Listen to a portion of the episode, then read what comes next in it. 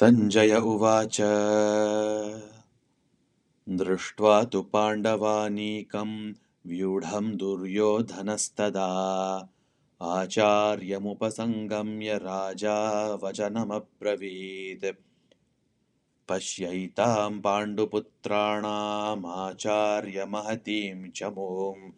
व्यूढां द्रुपदपुत्रेण तव शिष्येण धीमता।